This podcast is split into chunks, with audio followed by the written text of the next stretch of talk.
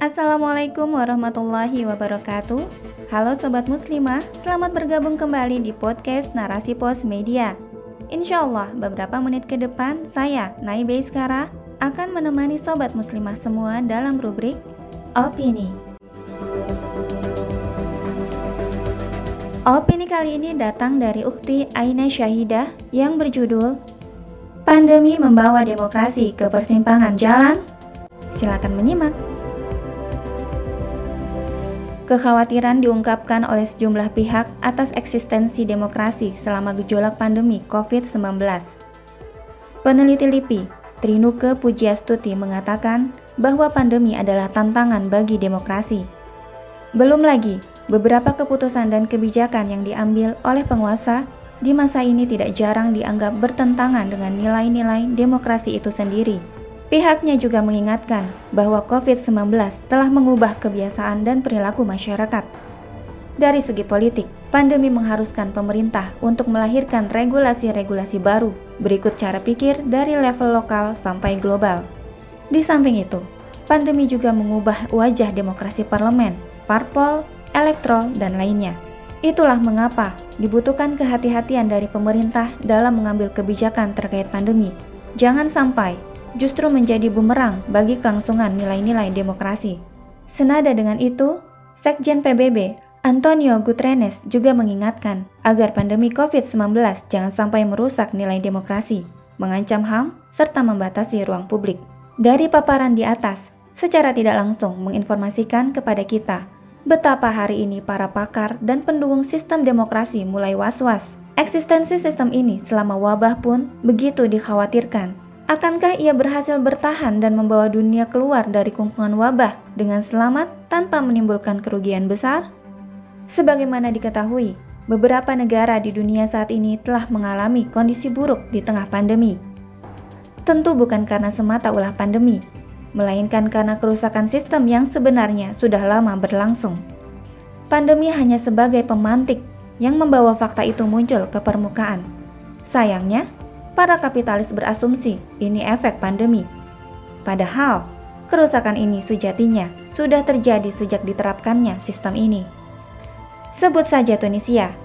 Negara ini sampai harus merombak kabinet pemerintahannya akibat dari buruknya sistem dan ketahanan politik serta ekonomi negaranya yang semakin parah selama pandemi COVID-19 menyerang.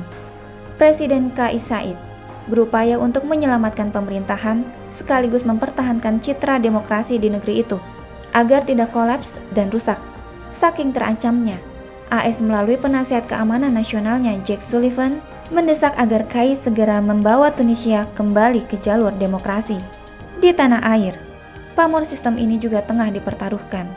Pasalnya, Indonesia ditetapkan sebagai negara dengan penanganan pandemi COVID-19 terburuk yakni berada di peringkat 53 dari 53 negara. Media asing Bloomberg menetapkan hal tersebut dengan melihat indikasi tingginya angka kematian, rendahnya vaksinasi, dan pembatasan gerak publik.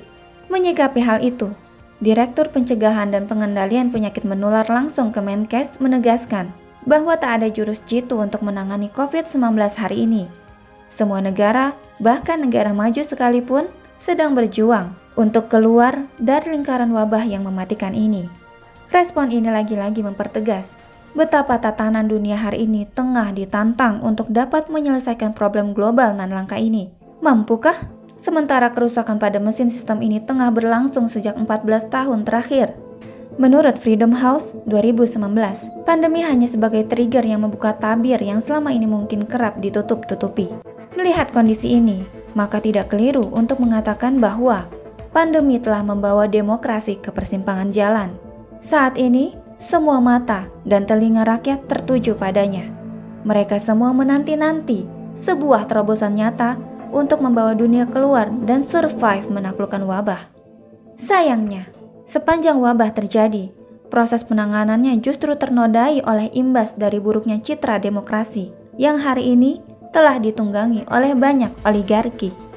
Hal yang paling menyakitkan adalah dikorupsinya dana bantuan sosial bagi warga terdampak wabah. Berikut diikuti dengan masuknya TKA di tengah besarnya gelombang PHK dan PPKM di dalam negeri. Belum lagi dengan sikap para elit yang seolah nir empati. Di tingkat dunia, pelaksanaan Olimpiade Tokyo yang menghabiskan dana sebesar 15,4 miliar dolar AS mendapat sorotan dari Universitas Oxford yang dinilainya mengesampingkan aspek prioritas lainnya. Besaran dana ini diperhitungkan dapat membangun 300 rumah sakit dengan kapasitas 300 kamar tidur.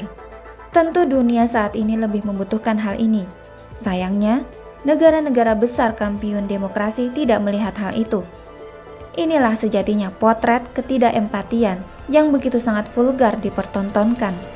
Hanya saja, publik sedikit yang menyadari.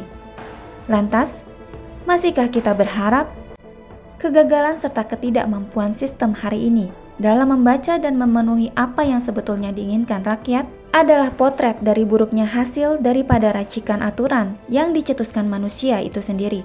Demokrasi, sebagaimana diketahui lahir dari rahim peradaban sekuler, yang miskin nilai ruhiah dan hanya pro pada kepentingan segelintir elit. Di tengah wabah ia tak bisa berbuat banyak, walau kerap mendeklarasikan diri sebagai sistem yang pro pada rakyat. Nyatanya, kebijakan demi kebijakan yang dilahirkannya lebih berat kepada kepentingan para kapitalis. Menimbang hal itu, maka dunia hari ini sejatinya membutuhkan hadirnya sebuah tantangan kepemimpinan yang berdimensi ruhiah, full empati, dan mau berpihak kepada rakyat. Di samping itu, dunia juga membutuhkan model kepemimpinan yang benar-benar bertindak sebagai pengurus dan penjaga rakyat. Dan Islam adalah satu-satunya harapan. Kenapa? karena Islam satu-satunya ideologi yang dibangun atas dimensi ruhiyah yang tidak mengesampingkan urusan agama dari kehidupan. Ditambah lagi, amanat kepemimpinan politik yang terbangun di atasnya ialah murni untuk mengurusi seluruh hajat hidup rakyat, bukan untuk kepentingan para pelaku korporat. Di samping itu pula, kepemimpinan Islam telah terbukti berhasil membawa umat keluar dari kungkungan wabah. Bahkan, pola vaksinasi yang dahulu diterapkan oleh negara Islam sebagai metode dalam mengatasi wabah menjadi kiblat dunia.